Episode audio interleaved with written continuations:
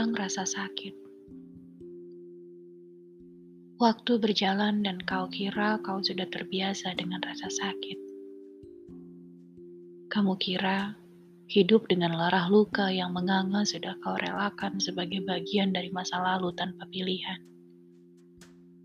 Kamu lalu memilih untuk menjadi dewasa dan hidup dengan segenap konsekuensi atas pilihan itu. Hingga seseorang datang memberikan satu lagi penolakan atas apa yang tersisa dari dirimu. Bertubi berkali-kali. Saat kau kira sungguh mustahil seseorang sepertinya melukaimu sejauh itu, ia benar-benar melakukannya. Seseorang yang dengan lembut menyebut namamu di belakang kata aku mencintaimu dan membuatmu percaya bahwa apa yang tersisa dari tubuh dan jiwamu layak untuk dicintai, untuk disayangi. Lalu, saat ia benar-benar pergi, kamu memilih diam dan menelan rasa sakit itu sendirian pada malam-malam saat engkau terjaga dan tidak bisa melakukan apa-apa lain kecuali menangisi namanya.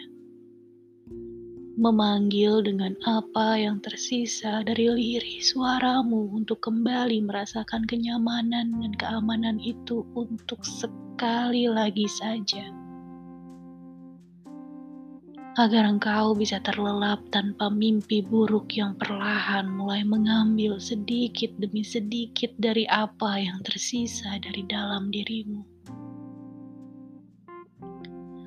Minggu berganti, dan engkau memilih untuk pergi dari rumah yang menghantuimu dengan kenangan atas apa yang kau kira adalah cinta dari setiap sudut ruangan yang membuatmu mengira kamu berharga, tapi lalu dibuang begitu saja.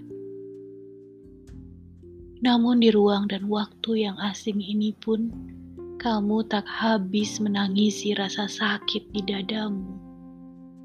Pada malam-malam saat engkau terjaga, pada kesunyian yang bernas setiap usai kau sebutkan namanya pada setiap hal yang kau telan dalam rangka ingin terlupa, rasa sakit itu tetap memelukmu.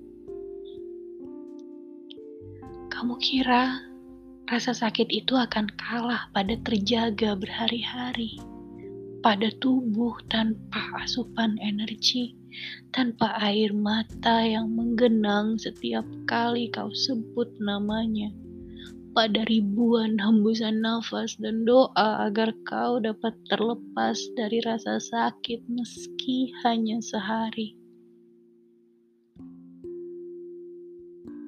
Pada redup lampu kamar saat hari telah berganti, kau tutup pintu dan jendela, mencoba memejamkan mata, lalu air matamu kembali mengalir Rasa sakit itu kembali memelukmu hingga tidak ada yang bisa kau lakukan kecuali menangis.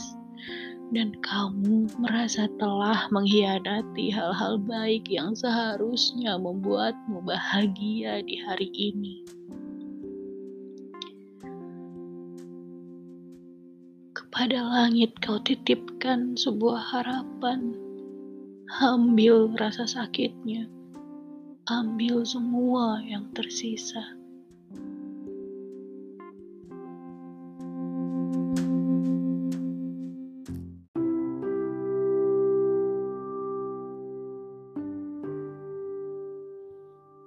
Tak apa, istirahat saja.